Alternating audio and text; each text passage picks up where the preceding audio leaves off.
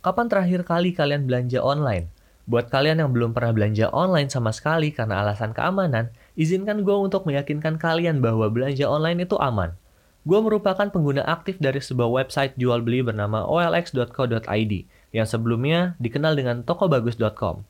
Sudah puluhan kali gue melakukan transaksi barang elektronik melalui OLX dengan sistem pembayaran cash on delivery dan transfer.